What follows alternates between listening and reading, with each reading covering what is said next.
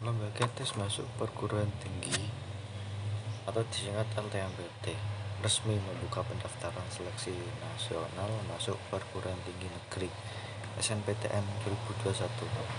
Pendaftaran SNPTN 2021 dibuka hari ini, Senin 15 pukul 5. Ketua Tim PT Muhammad Nasir dalam UNR beberapa hari lalu mengatakan Ketua LTMPT 2021 sekaligus Rektor UNR Prof. Nasir dalam webinar UNR Tak mengatakan ketua kuota SNPTN 2021 sekitar 100 ribu. Hal tersebut menurutnya menunjukkan persaingan yang cukup tinggi.